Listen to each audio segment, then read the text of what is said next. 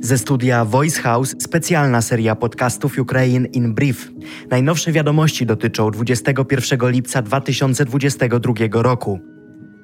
Rosjanie sprowadzają ciężki sprzęt wojskowy do zaporowskiej elektrowni jądrowej.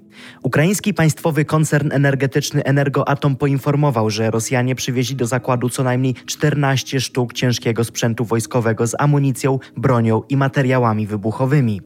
Okupanci nadal cynicznie łamią wszystkie normy i wymagania dotyczące bezpieczeństwa przeciwpożarowego, jądrowego i radiacyjnego, poinformowały władze. Według Państwowej Straży Granicznej od początku kwietnia Rosja przeprowadziła 900 ataków na północne obwody Sumski i Czernichowski. W czwartkowy poranek Rosja ostrzelała Charków. Według gubernatora obwodu charkowskiego cztery ranne osoby są w stanie krytycznym po ostrzeliwaniu dzielnicy mieszkalnej. Zginęły dwie osoby.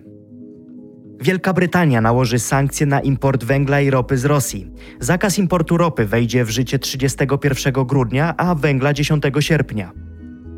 Według Sztabu Generalnego Sił Zbrojnych Ukrainy wojskom rosyjskim nie powiodła się operacja zdobycia elektrowni w Switłodarsku, obwodzie donieckim. Atakujący zostali zmuszeni do ucieczki. CIA nie wierzy w doniesienia o chorobach Władimira Putina. O ile nam wiadomo, jest nawet zbyt zdrowy, powiedział szef CIA William Burns. Wielka Brytania wyśle na Ukrainę ponad 1600 sztuk broni przeciwpancernej. Brytyjski sekretarz obrony poinformował, że Londyn wyśle również na Ukrainę dziesiątki dział artyleryjskich, setki dronów, systemy radarowe i ponad 50 tysięcy sztuk amunicji. To było Ukraine in Brief od Voice House.